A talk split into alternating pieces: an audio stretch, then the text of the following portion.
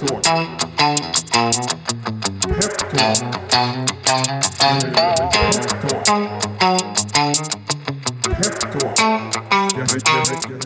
Då säger vi varmt välkomna till ännu ett avsnitt av podden Peptalk. Idag är vi på Peppins kontor i Sickla eh, och jag har fått eh, fin besök hit. Eh, Nu är det faktiskt första gången som vi eh, träffar ett bolag som handlas på våran alternativa lista.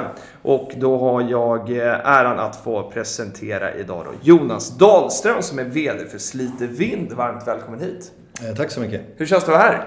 Ja, det är fantastiskt spännande.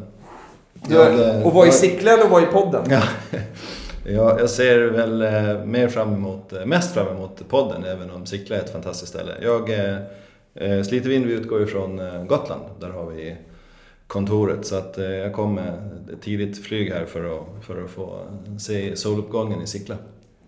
Eh, så, ja, då, den här soluppgången är ju väldigt grå då. Men det var, här var det fint att försöka måla upp en bild i alla fall. Mm. Eh, ibland ser man bra soluppgångar här, det ska vi säga. Eh, och att du är från Gotland, det kan man ju faktiskt nästan eh, höra. Eller det gör man faktiskt. Jag hoppas att det, att det hörs på dialekten. Ja, men det gör det verkligen. Men kan inte du eh, dra liksom den korta pitchen, Slite Vind, vilka, vilka är ni?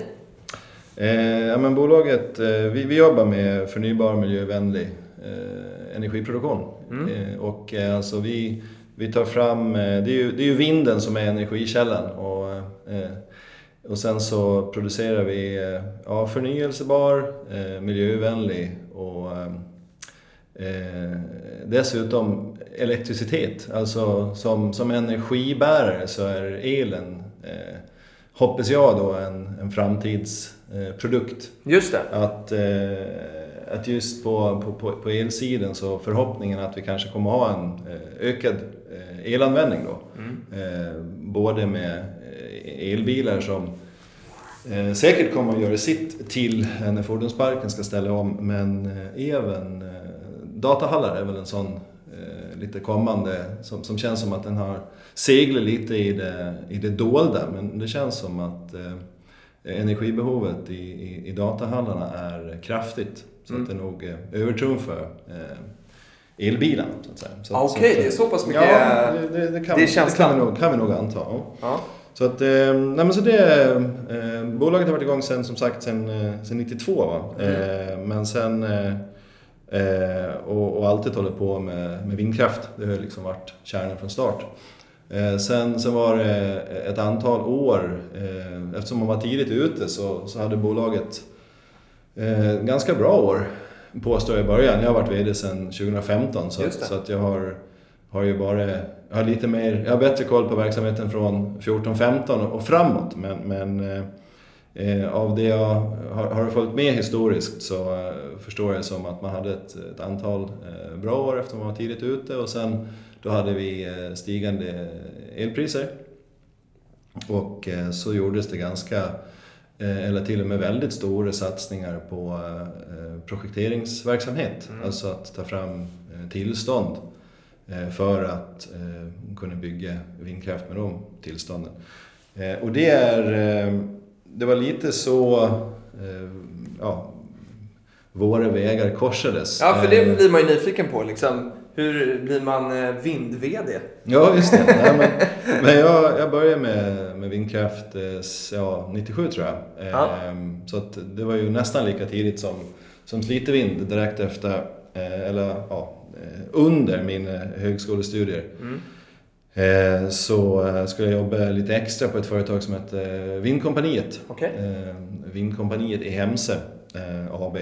Som så småningom har utvecklats till det som idag är eh, Ux2 som ju är en annan, eh, som är en väldigt stor eh, aktör. Mm. Alltså de är väldigt, väldigt duktiga i mångt och mycket en, en, en förebild, ett, ett, ett bra företag helt Mm. enkelt.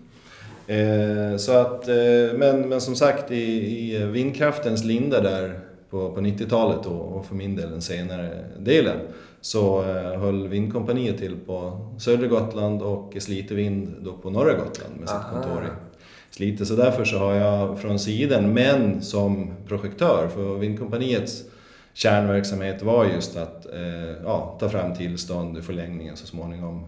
I början mätte vi inte så mycket vind men så, så småningom när projekten växte så blev ju vindmätningar också en självklar del av tillståndsprocessen. Mm. Så att eh, Vindkompaniet håller på med det, eh, tar fram tillstånd, eh, bygga och sälja. Eh, och Slite Vind eh, var snarare då en, en investerare. Mm. Och eh, då var jag lite avundsjuk på långsiktigheten i, i det. Att, Aha. att eh, liksom driva en anläggning i ja, 20, 25, Mm. kanske 30 år. Eh, och, och våran verksamhet var lite mer eh, kortsiktig, Mm. i alla fall projekt för projekt. Och jag lämnade sen eh, Vindkompaniet och började på ett annat eh, vindkraftföretag. Vi, startade, för Vindkompaniet sålde så småningom till eh, Energimikon som då var noterat på Köpenhamnsbörsen. Mm. Och Energimikon slog så småningom samman, samman med Vestas. Ah, den stora att- jätten. Ja, precis. Så att när, vi, när, när bolaget hade ja, gått upp igen, jag var med på ett litet hörn som delägare och så när vi sålde och sen så småningom så blev det ett annat företag som, som del av, av Energimikon-koncernen. Och eh, då valde jag då att eh, eh, ja, gå vidare eh, på egen hand. Sådär. Och eh, höll faktiskt på med eh, detaljhandel under ett antal år men, men hela tiden med ben kvar i vindkraften. Mm. Och sen eh, OnPower då som, som är ett eh, projekteringsbolag eh, drog vi igång för drygt tio år sedan. Och eh, ja, det är säkert ja, något, något sånt, 12 kanske. Eh, och där eh, tog vi fram ett antal ganska stora projekt som vi sen har, har, har sålt mycket av det, ganska mycket av det som Arise har Ah, byggt. Eh, Ja. Också Eh, börskändis. Ja, precis. Ja. Ehm, så att jag tror att vi har sålt fyra eller fem, det är nog fem, ja, fyra eller fem projekt till Arise där Mm. Gedrås är eh, för våran del det största som, Mm. som var ett projekt som togs fram tillsammans med Bergvik skog med, när det begav sig där. Det sålde vi 2011 tror jag. Så att eh, fortsatt projektering Mm. för min del och eh, eh, för Slite Vind då under de här åren Mm. då, då det gick att få ganska bra betalt för eh, färdigutvecklade, byggfärdiga vindkraftprojekt. Mm. Eh, så, så hade Slite Vind eh, utvecklat en, eller tagit fram en portfölj och satsat eh, kapitalet som, som kom ifrån produktionen Mm. eh, på projekt både i, i Sverige eh, men, ja, och, och Finland och något, något liten, någon liten satsning i Serbien och, och Okej. sen i Norge. Finland och Norge var det som, som eh, tog mest kapital. Mm. Eh, Och det var väldigt mycket pengar eh, investerat i den verksamheten och det var väl lite grann så tror jag som eh, ja, med, med, med, Vindkom, med, förlåt, med OnPower så hade vi bestämt oss för att inte ta fram några nya projekt för vi såg en, en ja, mättnad liksom i, mm. i marknaden och kände att det kommer nog att bli projektöverskott. Ja. Eh, Vi fick rätt under en väldigt kort tid för nu verkar det vara projektbrist igen. Men det var i alla fall så vi valde att göra. Vi tog inte in några nya projekt och då, då blev ju våran verksamhet lite, ja med, med, med tiden eh, utdöende. Liksom. Exakt. Då var vi ju förr eller senare klara. Så vi har, har fortfarande finns det något OnPower-projekt kvar som, som eh, liksom är under försäljning eller sist. Men det är verkligen de sista. OnPower är i allt väsentligt eh, ett avslutat kapitel. Okej. Eh, och vi var ganska eh, klara, vi var, halvklara redan där eh, 2014-2015. Mm. Och då blev det så att vi med, Slitevind som då hade både ett produktionsben och ett projekteringsben. Eh, då, då såg väl Slitevind kanske att "Ja, men jag borde ju kunna någonting om projektering med min bakgrund. Mm. Och jag tyckte att eh, absolut att eh, den verksamheten var intressant men var kanske ännu mer sugen på att då kanske sådär 20 år senare eh, verkligen kunna jobba med den, den långsiktighet som eh, eh, produktionen ger. Ja, just det. Liksom, eh, För äga och hur kortsiktigt är det med, med alltså projekteringen? Hur, hur, hur, korta projekt eller långa halvfullt, halvtomt projekt är det? Ja, när vi började så kanske det tog, i början där så tre år, Ja. två, tre år, men det är ju tio år idag. Ja, det är det. Ja. Och då handlar det egentligen om att liksom hitta, hitta plats och kunna liksom bygga vindkraftverk på, ja men egentligen bygga upp det som sen ska bli färdigt för Ja, man börjar med att identifiera ett ställe som här känns det rimligt. Det nog, här blåser det nog. Och, Ja. och så eh, tänker vi att det är ett ganska stort område, inte allt för mycket eh, alltså konflikt. Det måste Nej. vara så få konfliktintressen som möjligt men i kombination med att det går att få dit ett elnät och att det nog blåser där. Mm. Och lyckas man så småningom då bevisa allt det där och få tillstånden och, och, och liksom identifiera elnät Mm. och, och vindmätningar, då faller väl ut. Där någonstans på vägen. Just Men det. är klart att det kan bli lite överklagande och krångel, krångel på vägen. Vilka är de här liksom, eh, konflikt, eh, eller potentiella då liksom konfliktområdena? Är det att eh, ja, någon som ska bo granne med det här överklagar för att den tycker att eh, det kommer inte se snyggt ut? Eller är det? Så här, vilka hinder är det som står i vägen? Nej men det är väl, det kan vara både det där. Alltså, eh, men, men absolut så är det, ju, är det ju en konflikt mot andra naturvärden. Det Ja. kan ju vara eh, ja, växter och, Ja, och, just växter det. och djur helt enkelt. Mm.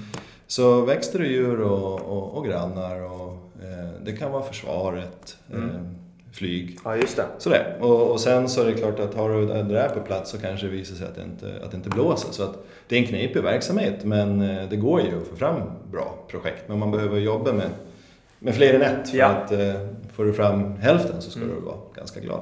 Men då Men- jobbade du egentligen liksom inne med, när, när, när projekteringen var färdig så försökte ni alltid egentligen hitta då någon som var beredd att köpa det här för sen Ja, produktion? Precis. Ja. Och det var, en, det, var, det var inte så vi, för Slitevind har aldrig varit en kund utan eh, det var mer bolag som man kände och jag funderade lite på, ja men vad ska jag göra nu då när vi är mer eller mindre färdiga med det här? ja. Och har ju haft eh, liksom, historiskt kontakt med, med Slitevind för två gotländska bolag Ja. i, i samma bransch som var tidigt ute. Och, och exakt hur det gick till, det, det vet rackarn, men eh, det landade i alla fall i att tillsammans med några On Power-kompisar så, så köpte vi lite aktier Mm. 2014. Och så småningom så, så eh, fick jag plats, eller jag fick plats i styrelsen där 2014. Mm. Och det var väl det som var tanken, men sen eh, eh, Ja, landade vi väl i att, att bolaget, eh, bolaget, alltså projektportföljen som då var, var bokförd till en bra bit över 100 miljoner.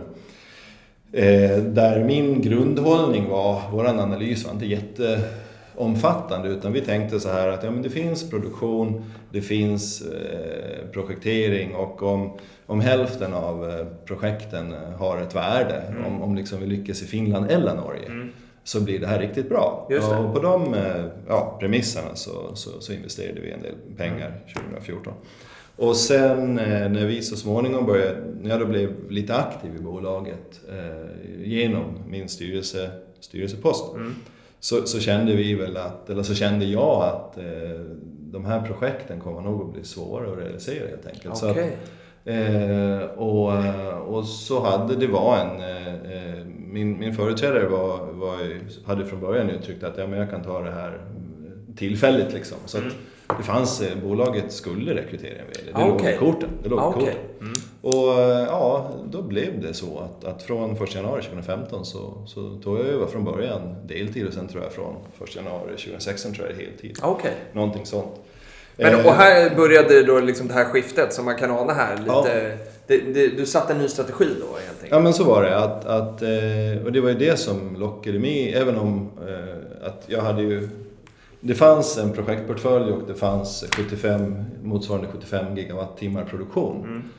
Eh, Hur mycket kanske- är gigawatt? Alltså för de som absolut inte vet. Man är van vid kilowatt hemma Ja, på. LED-lampan liksom. Så här, Ja det, men det blir kilowatt och sen blir det megawatt och sen blir det gigawatt. Ja. så det är väldigt många Eh, watt. Ja men det, det, det, är- det, är- ganska många wattimmar. Ja.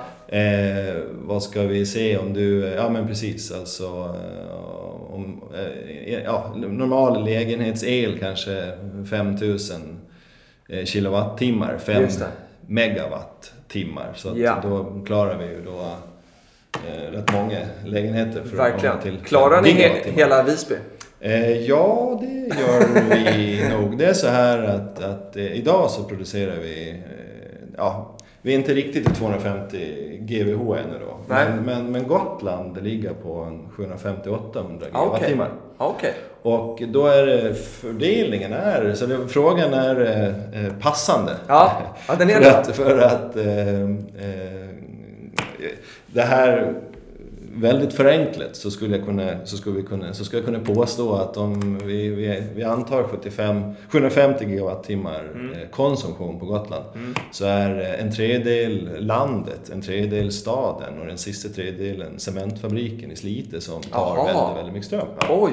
Så att just därför så, så 250 GWh skulle kunna motsvara ungefär Visby. Ja, är vi men inte kul, riktigt, kul. Vi är inte riktigt där än. Eh, Det men hade så- vi inte repat heller den här Nej. frågan, så att det var väldigt kul. Ja, det var, den var, den var, den var, den var väl Eh, Ja, det var väldigt bra. Ja, men bara så att man får en uppfattning, för det, Ja. det blir så mycket nollor helt enkelt då. Ja, Nej men det är det. Så man kan säga att eh, relativt snart här så, så, så ska vi kunna nå en, en produktion som motsvarar eh, Visby ungefär. Mm. Men, men då är det klart att maskinerna står ja, en dryg tredjedel på, på Gotland. just det. Eh, sen är det ganska mycket som, som står på fastlandet. Men eh, fortsatt som gotländskt företag så är det väl en, en, en kul Det är väl en väldigt kul grej, ja, verkligen. Kul att bara kunna, kunna berätta om så här. Men eh, fortsätt liksom. Mm. Eh, så, så vad liksom har hänt ändå egentligen sedan 2015? Vad, vilket, vilket avtryck är det du håller på att göra för att leda fram till hur ser Slite Vind ut idag? Mm, ja, men, eh, det var ju ett... eh, ett eh, jag föreslog väl ett strategi, strategibyte för styrelsen och fick ju gehör för det. Så, Mm. så tillvida så är det inte...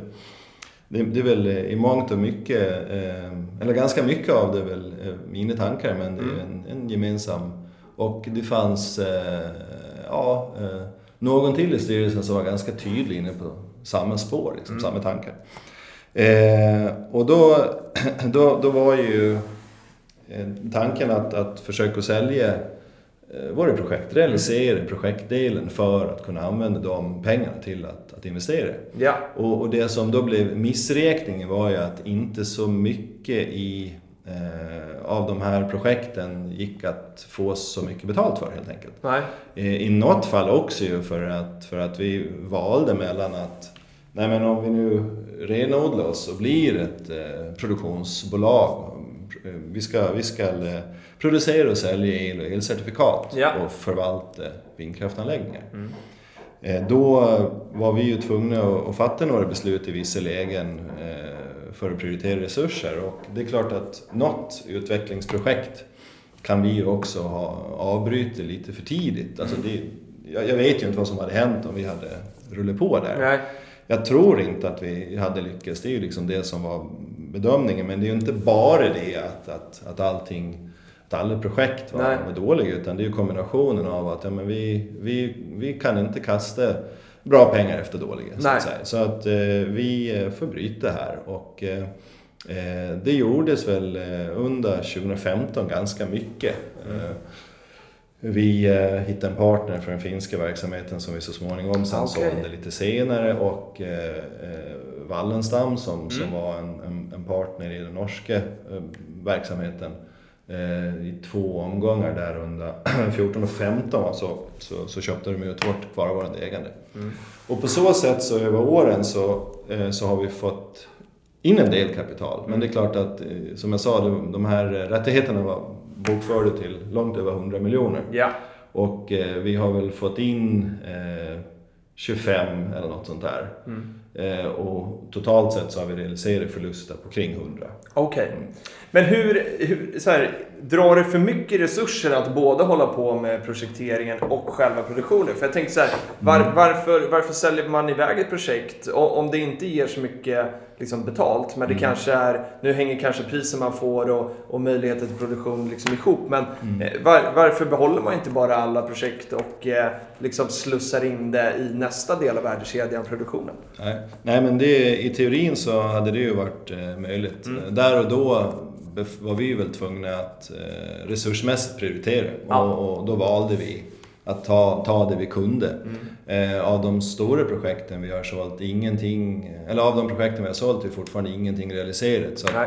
Eh, Jag tror att vi i huvudsak har, har fattat, alltså för bolagets del har vi fattat rätt beslut. Men, och jag menar, jag önskar ju i något fall att eh, de som drar projekten vidare, det är ju kul om de lyckas. Exakt. Eh, Men än så länge är ingenting, något av det kommer att komma upp. Men Nej. jag tror inte att det kommer att komma upp så mycket så att vi känner att oj, eh, vad dumt att vi gjorde så här. Nej. Men även om så, så må det vara hänt för att eh, vi, vi har ju då valt att, att eh, använda när det parallellt har varit ganska, som vi uppfattar det, billigt då. Mm. I, i, det har gått att köpa driftsatta anläggningar på, till, till en ganska billig, billig. Okej, peng. Ja. okej. Så att det är ju så att okej, vi säljer och, och, och det har varit smärtsamma förluster fyra år i rad. Så att därför så, så har vi, eh, eh, ja det blir alltså 14, 15, 16, 17. Ja. Eh, summerar ju liksom reaförluster och, och, och avskrivningar till eh, ja, 100 miljoner kanske. Just det. drygt. Eh, sen är det inte så att det underliggande resultatet från vindkraftdriften har varit fantastiskt under den här tidsperioden heller. Utan Nej. vi har haft väldigt låga eh, elpriser och certifikatpriser. Och, och, eh, men det vi har kunnat gjort eh, är att, att eh, dels med hjälp av det kapital som frigjordes, även om det är den mindre delen, Mm. och sen tillsammans med ett ganska stort antal emissioner då, med hjälp av eh, det alternativa Peppins har varit, har varit rådgivare hela vägen igenom. Mm. Eh, så har vi eh, tagit in ungefär 100 miljoner över de här åren Ja. och, och använt allt då till nyinvesteringar. Mm. Och, och ser man till eh, de nyinvesteringar vi har, har kunnat gjort för ungefär ja, 350 miljoner Mm. Så har eh, det varit som vi uppfattar billig vindkraft. I, i flera, ett par fall har vi ju köpt anläggningar eh, där säljaren, där till ungefär ja, under halv, ja, säg halva priset och kanske till och med Även om vi först räknar bort lite avskrivningar Ja. som har varit, så, så kanske det fortfarande blir halva priset av säljarens Ah, okej. bokförda nettovärde. Okej. Ehm, Så att det är så det har sett ut när GS som kanske eh, byggdes 2011, 2010-2011 när det var på topp. Just det. Eh, De, de, eh, när elpriset sen, eller totalt avräkningspris kanske låg på 80 öre och man hade det i kalkylen. Mm. Och så var vi nere och vände på då, ja, under 40 i totalt avräkningspris. Så är halva ja, ner liksom. Ja, det, det var under, under halva. Och det mer eller mindre slått rakt igenom på, Mm. på priserna också. Mm. Så att om vi sen eh, har gjort rätt får ju framtiden utvisa, men, men vi har investerat ganska, ganska kraftigt. Den första målsättningen vi satt upp var att gå ifrån 75 GWh produktion Ja. till, eh, till 150. Mm. Och då hade vi det i en fyraårsplan, men, men där eh, vi, vi kom över. Vi, vi, vi lyckades, vi, vi hittade ett projekt, det dök upp ett projekt som var ute till salu och vi fick till det liksom, både finansiellt och, och då, då, därför gick det fortare. Så att vi, vi nådde det där på ungefär två år. Eh, första målsättningen. Eh, och sen så, så satte vi en ny då till Mm. 250 GWh produktion. Och, och det är ju i sig, jag menar, när vi...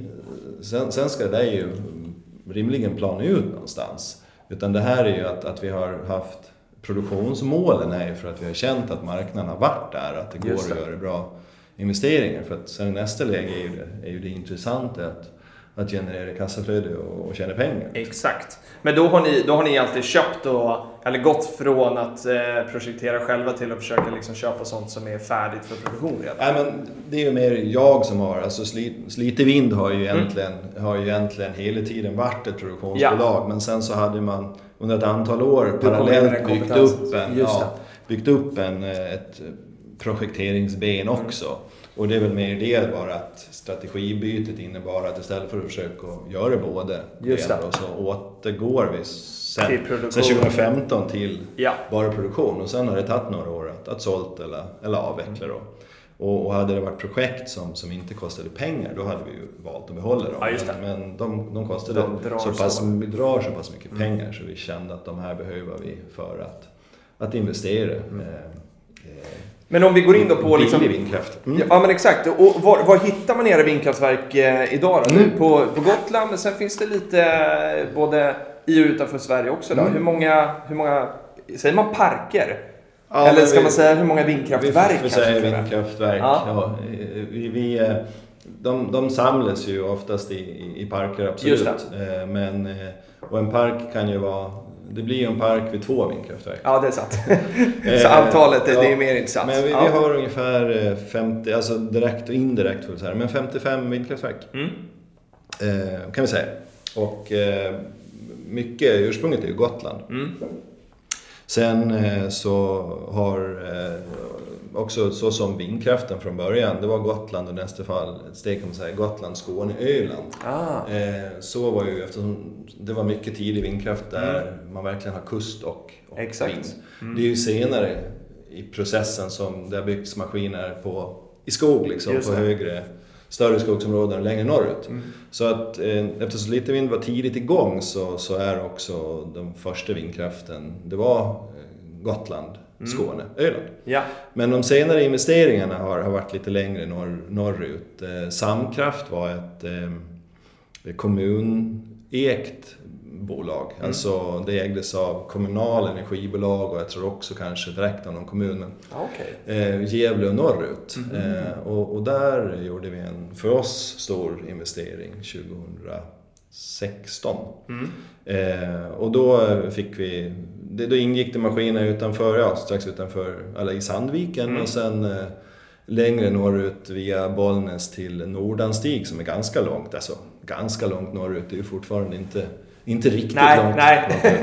Men så, är relativt där. ja, och sen så att längs med liksom östra kusten från Gävle och, upp till Nordanstig äger vi 10 maskiner. Ja. Och sen eh, förra året här i december, för snart ett år sedan, Mm.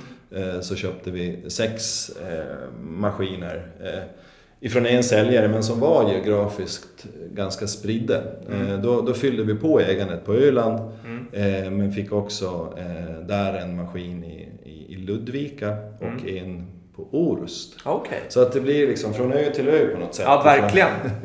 Det är men, det verkligen. Då. Men sen är väl nästa steg i den här eh, vi säger ju att vi vill vara drivande i, i konsolideringen i vårt segment. Mm. Eh, och med det menar vi väl vårt segment det är där de större inte är. Där Eolus och Arise kanske inte konkurrerar. Alltså, nu är ju Eolus eh, har ju väldigt liten egen produktion nu mer. Eh, men, men alltså projekt som, som inte är så mycket för, för ja, som inte passar, som är för små för de, Ja, för de stora. Och, och, ehm, och sen som av en eller annan anledning då är ute på marknaden. Mm. Så att eh, vi befinner oss nog lite grann i en, i en nisch.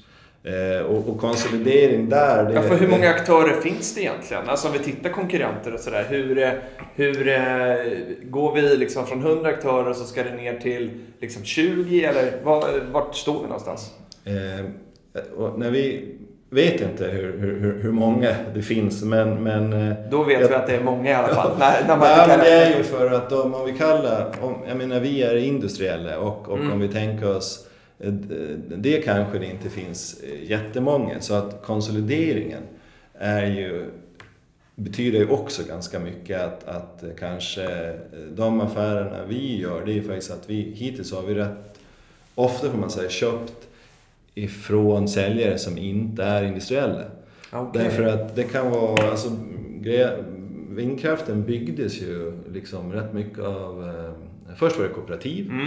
Eh, och sen blev det företagare som hade en annan verksamhet. Privatpersoner och företagare vars egentliga verksamhet är någonting annat. Ja, Okej, så Eh, smällde man upp ett vindkraftverk? Ja, eller man, man köpte då som någon annan hade projekterat. Ja, just det. Och, och det där... För eh, egen försörjning då kanske? Nej, men eh, det var ju väldigt liten omfattning. Utan Ja. snarare att man säljer till elhandelsbolagen precis som vi gör. Det Ja. är ju elhandelsbolagen som är våra kunder. Mm. Och, och, och i vissa fall skulle också kunna vara eh, större förbrukare som ja, bara vill ha el eller vill ha el med Just det. miljöprofil. Men, men i huvudsak så, så är det ju till elhandelsbolagen det säljs. Mm. Och eh, eh, de här ja, icke-industriella som egentligen gör någonting annat, det kunde vara privatpersoner som så länge det var väldigt, det, det var några år där då det bara flöt på liksom. Det var Mm. ganska enkelt. Eh, och, och så när det nu har blivit ett antal år då det har varit lite knepigare, då Mm. tror jag att då, då kanske, då är det ganska många som väljer att liksom, nej men då koncentrerar vi oss på det vi egentligen kan. Alltså, och, då, och då blir man säljare. Ja, Så det är ju en typ av konsolidering. Det är inte Ah, automatik att vi Ska bli ska slå aktörer. samman med andra Nej, aktörer. okej. Nej, utan jag fokuset tänker- också. Ja, Mm. precis. Och, och väl i en park, om vi då eh, äger en av tre Mm. maskiner, så, så är det ju en annan jag tror... Jaha, det kan vara flera som har eh, maskiner på samma Yes. yta? Okej. Precis. Mm. Och det blir också en, en del i en slags konsolidering eller effektivisering. Att, att där kan vi vara intresserade av att öka vårt ägande. Så att just äger vi en maskin i eh, en park av tre på Mm. Öland, en av tre i en annan park på Skåne och Mm. en tredje på, på Gotland. Då kan vi också vara intresserade av att rent krasst det. byta maskiner med andra. Så att Ah. ja, det är bättre att vi har tre där. Just Så det. det är en typ av effektivisering, konsolidering, renodling. Liksom. Så att- Hjälps man åt även med service, underhåll, eftermarknad, den typen då? Ja, får man säga. I de här parkerna så är det ju nästan alltid att det är ett driftsbolag och så har man, man äger varsin maskin men det. du, har, du delar risken helt Ja, enkelt. just Både det. Liksom intäktssidan och kostnadssidan. Ja. Och vi var inne på intäktssidan. Du, du berättade här med så här, vem är kunden? Du pratar el och elcertifikat. Om, Mm. eh, om du ska förklara för mig som, som inte kan det här överhuvudtaget. E-handelsbolagen är då, eller elhandelsbolagen är, eh, är, är kunden. Vad är det för skillnad på el och elcertifikat och vad är det ni säljer liksom egentligen? Vad är, vad är det de här el, elhandlarna köper? Mm, ja, men eh, el, el, kilowattimmarna tänker de är ju rätt enkla. Mm. Eh, Så att eh, vi producerar en kilowattimme och, och kan sälja den till elhandelsbolag. Producerar man först och säljer sen eller tvärtom? Eh, ja, men det är ju, den, den konsumeras ju så fort som möjligt så det är ju en färsk Den är våran är ju färskvara. en färskvara så den går ju åt direkt. Så att den, den säljs väl samtidigt i princip strax efter vi producerar den. Mm. Sen får vi betalt månadens slut då. Just det. Eh, där är ju, har ju vattenkraften en väldigt stor fördel som kan eh, välja att, att eh, de kan ju inte, de kan inte, de kan inte spara el bättre Nej. än vad vi kan, men Nej. de kan ju välja att, vi kan inte spara vinden, men de kan spara vattnet i Exakt. magasinet. Så att kilowattimmen är relativt enkel, eh, medan då certifikatet är lite annorlunda. Och det är ju ett system från, eh, det är väl andra varvet, ja tidigt 2000-tal i alla fall. Eh, nog tidigare än så, 2012 så, så gjordes det om. Men eh, hur som haver, eh, certifikatsystemet betyder att eh, rikta sig till eh, miljövänlig produktion, vind, vatten. Mm. Eh, det finns väl lite eh, bio, alltså som, som då har en anläggning som fyller vissa kriterier så och du uppför den så, så eh, erhåller du, då fattar Energimyndigheten ett beslut och så ja, får du rätt, då har du rätt att eh, producera Okej. eh, elcertifikat under 15 år. Från, eh, måste inte vara driftsättning, men från det att du registrerar anläggningen Mm. i certifikatsystemet. Mm. Då är du 15 år på dig och då producerar du, det räknas egentligen per megawattimme men vi kan räkna dem per kilowattimme Mm. i alla fall. Och så får du ja, för närvarande då ungefär 16-17 öre då, per kilowattimme. Mm. Men där, där producerar du certifikatet och sen eh, så har du ett eh, certifikatkonto i ja, Energimyndighetens system. Okej. Och där kan du välja, så att vid varje månads slut så, så ehm, kommer det ju en, en avräkning. Samma, så, så, så får du, ja, en, då, då görs en avstämning, hur mycket du producerar den här månaden. Och så förs de här certifikaten, bokas de in på ditt certifikatkonto den 15 eh, Okej. efterföljande månad. Ja. Då kan du välja att, att direkt sälja dem eh, till en elhandlare eller spara dem. Eh, Så där kan ni hedga lite också beroende på vad ni tror att priserna ska ta vägen. Ja, och, och så kan vi ja, välja lite om vi vill sälja löpande eller som sagt spara på vårt konto. Och vi kan ju också vi kan ju köpa på certifikat om vi känner att det här var... Okej. Nu gör vi inte det för det, det är ju en annan risk i det. Ja, det är klart. Eh, Men det skulle vi kunna göra. Men, vad är sen- värdekedjan i det? Alltså, var, varför har man certifikaten? Ja, är det för att liksom, för att din- eller? Ja, di- din elhandlare, om, om du... Eh, eh, ungefär, nu kan jag inte kvoten, men säg att det är, det är någonstans kring 20 procent Mm. eh, av, av eh, de... Av viss, viss konsumtion är exkluderad, men någonstans kring i Sverige så gör vi av med 130 TWh eller något sånt där, Mm. 135 kanske, terawattimmar. Ja, Eh, får lägga på en ytterligare Ja, precis. eh, men eh, det finns viss konsumtion som är exkluderad, alltså väldigt energiintensiv och så. Men Mm. eh, all annan, och framförallt privatkonsumtionen, så med din lägenhet så, så din konsumtion, 20% ungefär av den, eh, måste eh, varifrån, alltså indirekt, är certifikatberättigad. Ah. Och det är elhandlaren som löser det där åt dig. Så att eh, en gång om året så måste en elhandlare som har sålt eh, 10 TWh makulera då ungefär 20% av det eh, i certifikat, alltså motsvarande Okej. certifikat. Så att på din elräkning så har du, du har ju en massa andra grejer med överföring Exakt. och energiskatt och moms och så då. Men du har bland annat en certifikatavgift som du uppgår till några ören i och med att man slår ut 20% och så läggs det ut på alla då. Just det. Så att eh, det är en, en, en ja, det, det är ingen eh, det är ingen skattesubvention utan, eh, men det är ju en, en, en reglerad subvention Ja. eh, till förnyelsebar energi Ja. och det är konsumenterna som betalar. Och någonstans 20, den här kvoten går lite upp och lite ner Mm. eftersom efter 15 år, om man driftar väldigt mycket anläggningar för precis 15 år sedan, Mm. då försvinner de ju ur systemet i år. Just det. Om vi antar Ja, det. och det, då exakt. justerar man det lite grann så att Ah. det inte... Men, men de här, eh, priset har varit väldigt volatilt. Mm. Eh, trots de här årliga, eller i alla fall vartannat år, så, så försöker man justera kvoten för att man ska hålla en rimlig Ah, balans i systemet. Men det har gått ganska mycket upp och ner. Mm. Eh, just i år så får vi bra betalt för certifikaten, Okej. eh, vilket annars var ett litet tag sedan. Mm. Och så ser det ut som att det blir bra nästa år Mm. och eh, sen kommer in väldigt mycket ny, ny produktion i systemet eh, framåt 2020 då. Eh, och då räknar vi med att eh, certifikatpriset kommer att gå ner. För då kommer det ju finnas... Då finns det överskott i... Ja, och då är det produktionssidan som, det är Ah. utbudssidan som i huvudsak drar ner. Utbudet kommer inte att matchas av en ökad efterfrågan som vi ser det 2020. Och Mm. då kommer, det byggs väldigt stora vindparker som kommer i drift 2020. Ja. Både i Sverige och Norge då, för det är ett gemensamt system.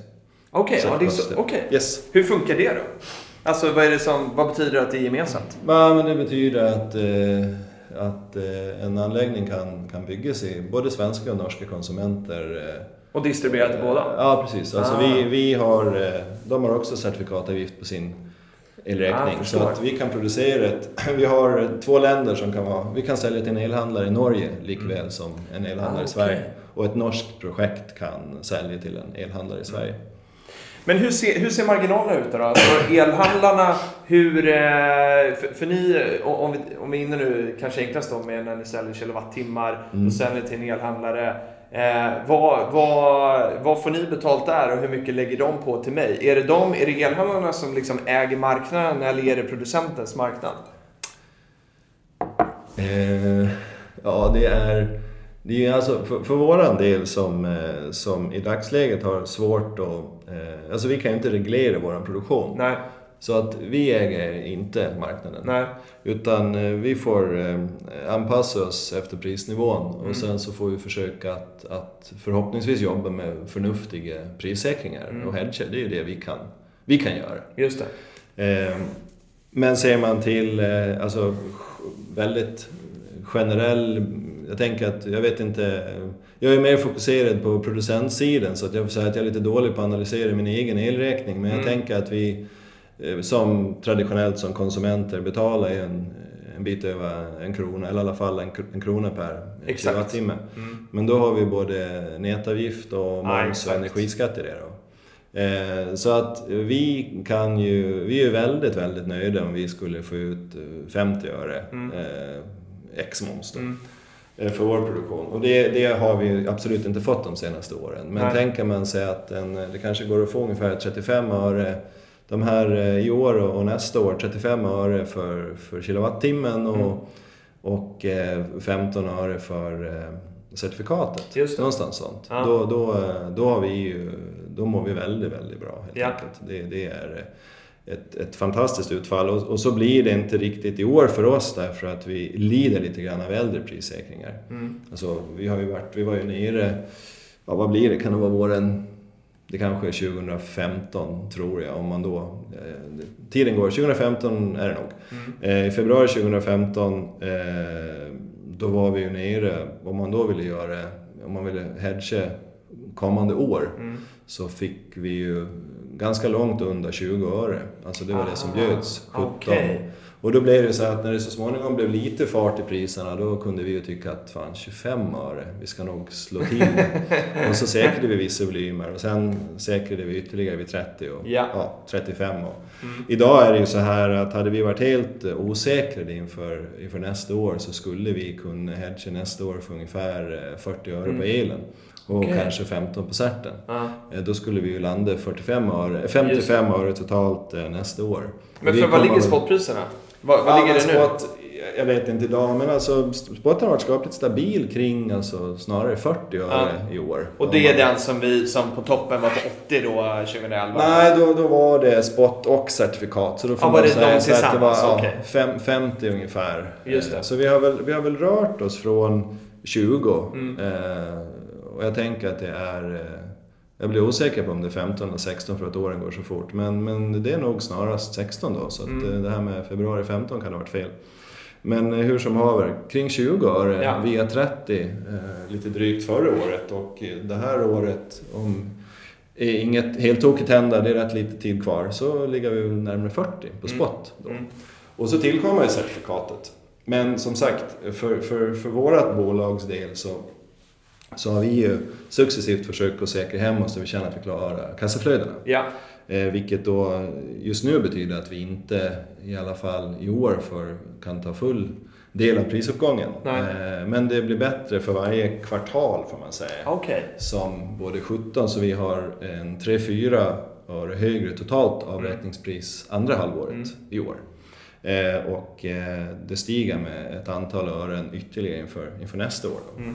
Så att eh, vi, vi, eh, vi pendlar mellan, vi kanske får ett totalt avräkningspris i år, el och cert samman, sammanvägt, Mm. eh, 40-45 då. Mm.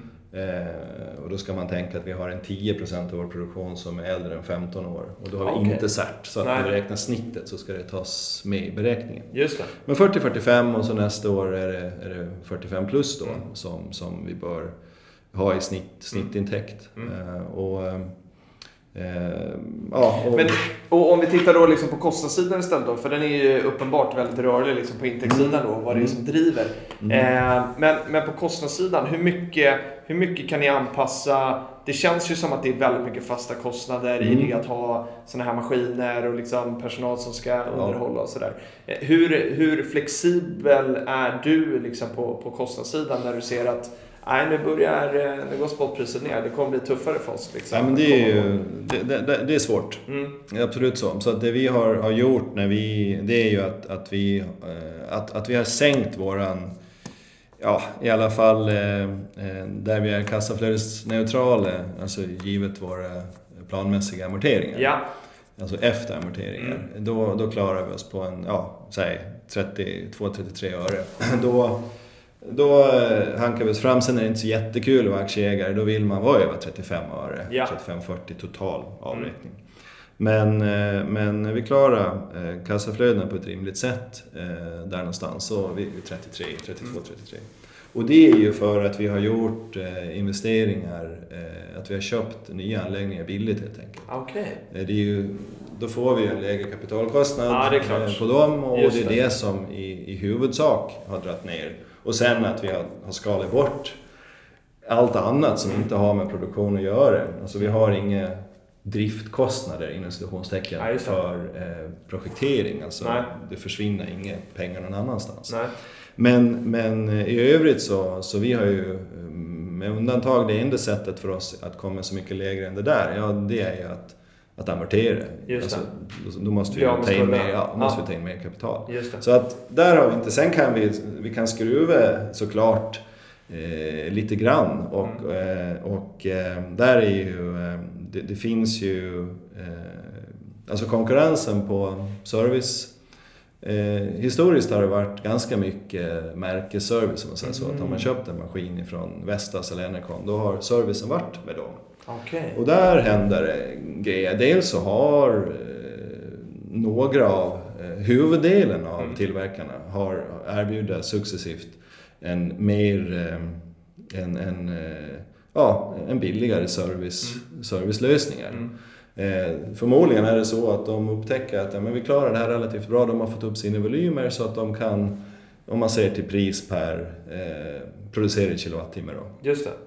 så har vi kanske i ett rent servicekontrakt så kanske det går från 10 öre till, till 7 öre ungefär sådär. Och, Det är och- väldigt ja, på, fin sänkning. Ja men absolut så. så att, eh, och, och där har det kommit in lite eh, fler aktörer, Mm. eh, alltså oberoende eh, eh, företag som erbjuder, erbjuder service och också erbjuder långa, långa avtal, Ja. eh, fullserviceavtal.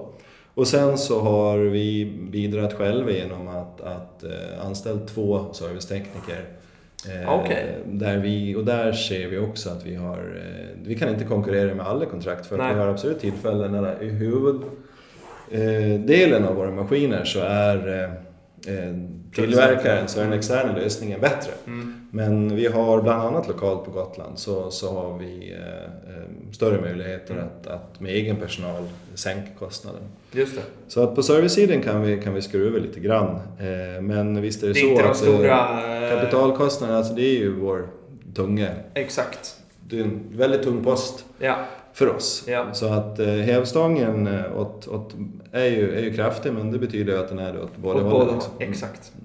Men o- om vi skulle få framtidsspana lite sådär. eh, Jag tänker, ja men liksom. Den här, jag som, jag som privatkonsument av el eh, har ju liksom, det känns som att det är standard idag att man får bara liksom eh, schysst el på det sättet att det är Mm. liksom vind eller vatten. Och, eh, kanske sol, har solen börjat ta sig in nu i, Ja. eh, den, eh, den är på gång också. Mm.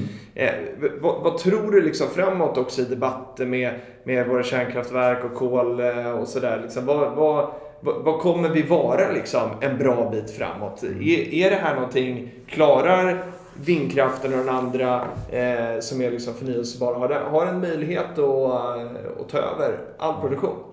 Funkar det? Eh, All, eh, att all produktion blir förnyelsebar, absolut. Och det är ju numera ganska tydliga, 20 vi har ett ganska tydligt 2040-mål senast. Eh, Så att det kommer att fungera. Sen så finns det såklart en effektfråga. För att idag så skulle vi köra allting med vind idag så det, det skulle vi inte klara effektbalansen. Nej. Eh, och där har det historiskt sagt att ja, men en 25-30% är inget problem. Eh, vi är ju lyckligt lottade med, med vatten då Mm. som, som ju kan och det blir ju så. Eh, vi, vi får lida lite prismässigt på vindsidan för att när det blåser som mest Mm. så går ju priset eh, ner lite grann.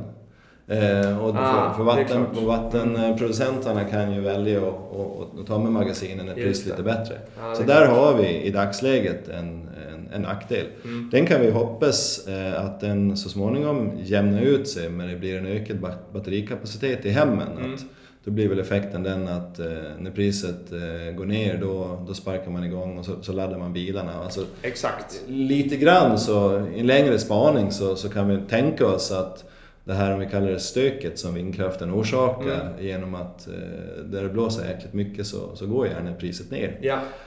Eh, alltså på topparna. Eh, det kan komma att lugnas, lugnas av, lugna av lite grann.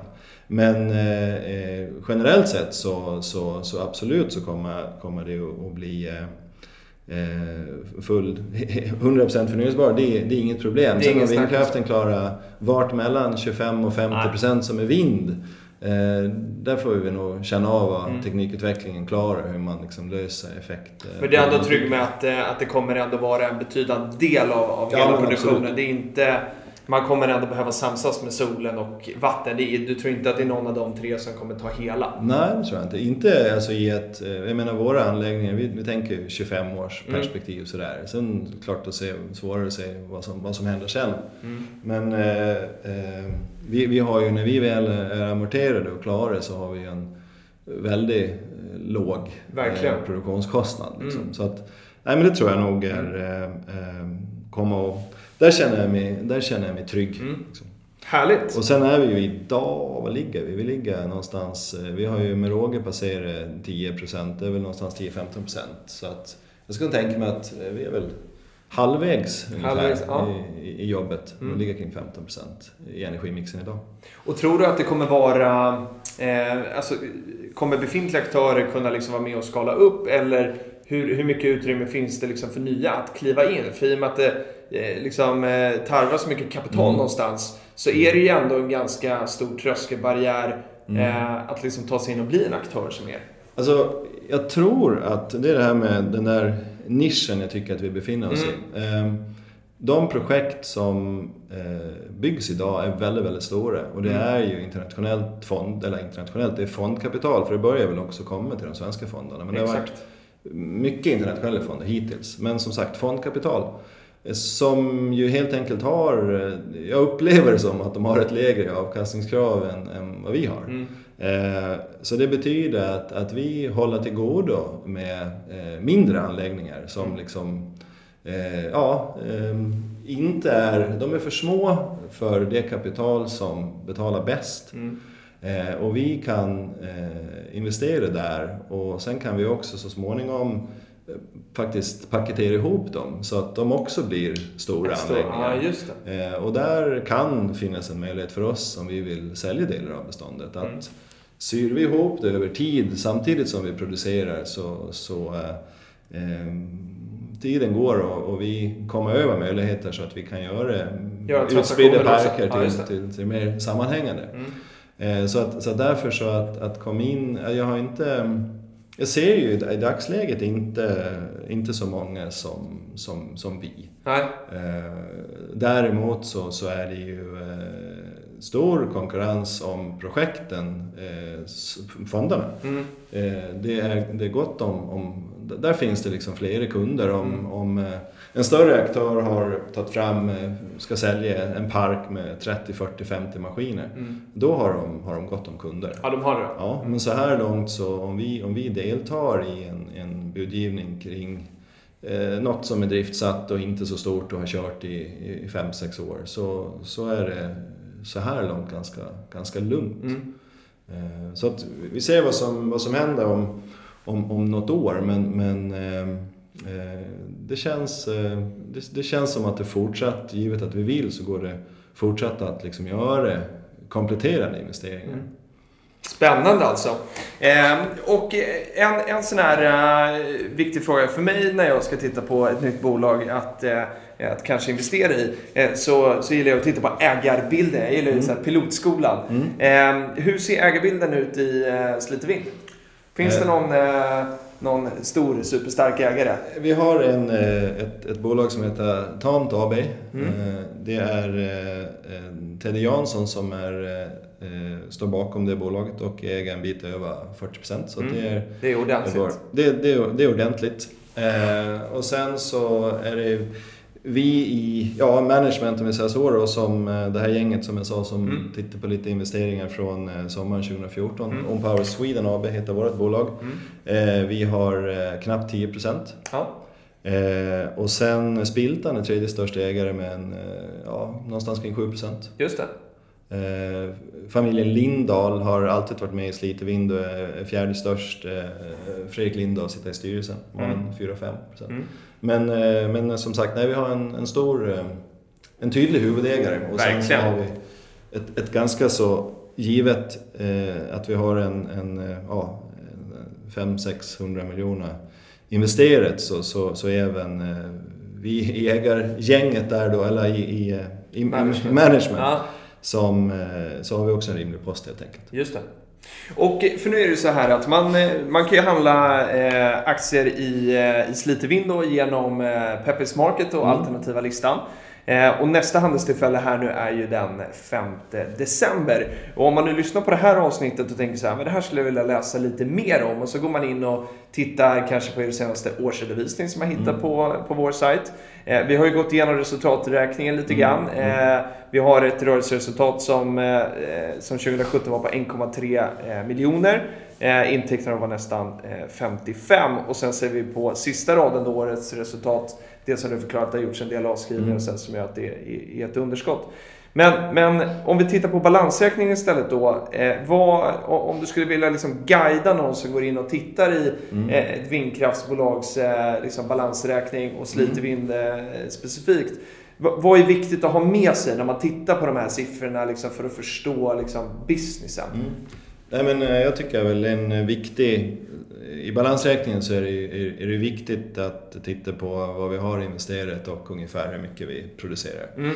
Och, och tänker vi... Nu är det ju... Det, det, det händer ganska mycket det här tredje och fjärde kvartalet också i, i form av investeringar. Mm.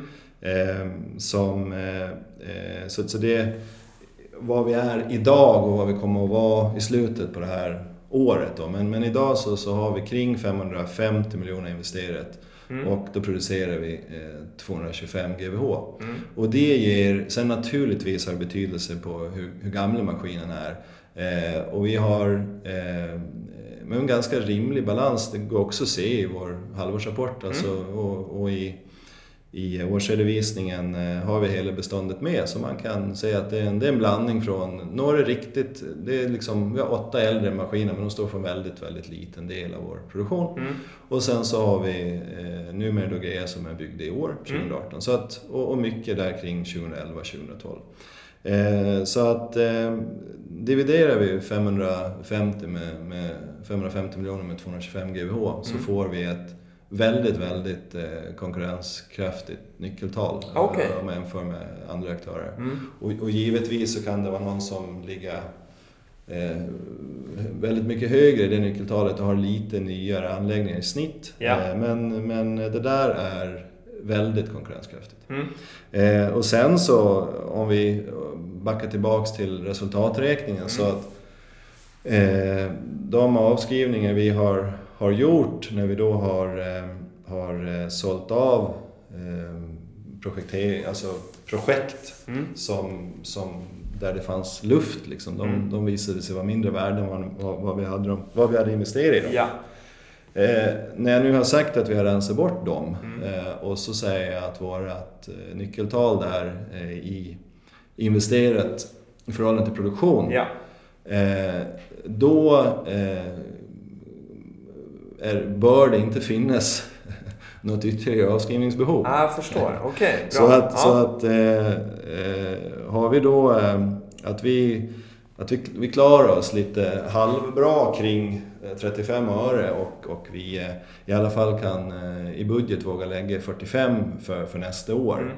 Eh, då eh, eh, så blir det alltså, vi, vi bör ju kunna omsätta eh, vi, ska, vi, vi, vi kommer att lägga en budget som ligger kring, alltså det är rimligt att anta att vi ska omsätta kring 100 miljoner nästa år. För att nu är stora investeringar tagna och då ska vi, vi tänker komplettera eh, med all säkerhet, eh, göra kompletterande investeringar. Okej. Men, men, men, Och nu pratar vi då 2019? Ja, Men, men i huvudsak så, så det är ju lite skördeläge.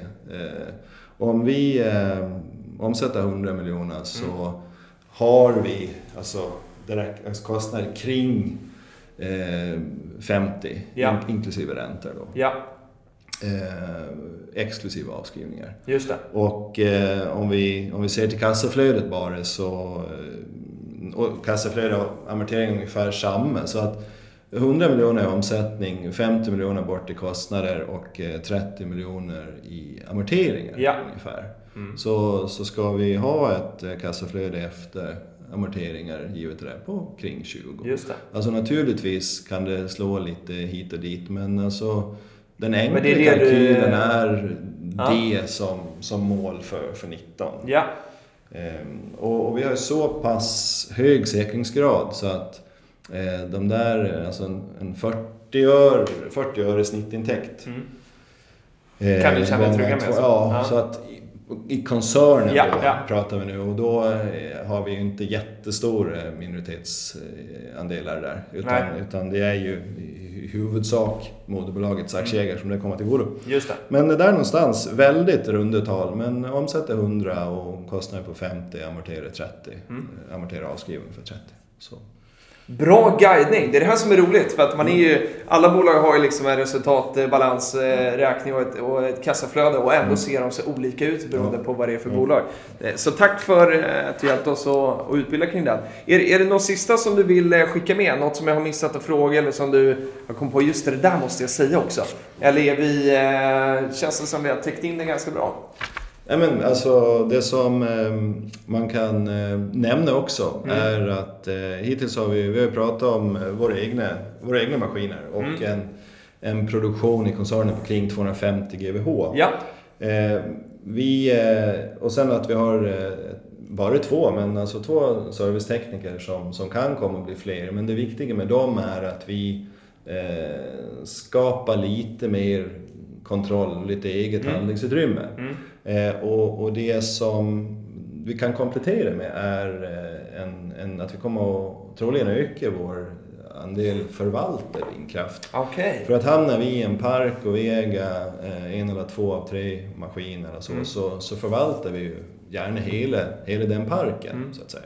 Så att eh, jag räknar med att, att om vi producerar 250 GWh så, så ska vi i alla fall i första varvet under nästa år också uppnå en, en förvaltad volym på i alla fall 100 GWh. Okej. Eh, det är där har vi inget ägande, men, Nej, nej. Men, men det bidrar eh, lite grann till en, till, ja det ger lite eh, stordriftsfördelar helt enkelt. Det är klart. Att, eh, och sen, sen tänker jag nog att i förlängningen så kan nog så är det rimligt att tro att förvaltningen kommer att öka snabbare än, Mm. än den egna produktionen. Mm. Men, men eh, för nästa år så ungefär 250 GWh egen produktion, 100 GWh förvaltning. Så det kan vi lägga till.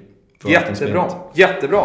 Och sen eh, vill jag ju gärna att eh, vi, vi låter tiden gå lite grann och så får vi se eh, hur det utvecklar sig. Och sen är du varmt välkommen tillbaka till, till den här podden och berätta om uppföljningen. Eh, tack så jättemycket Jonas för att du kom och gästade. Tack så mycket, det var trevligt att vara här. Kul, lycka till nu!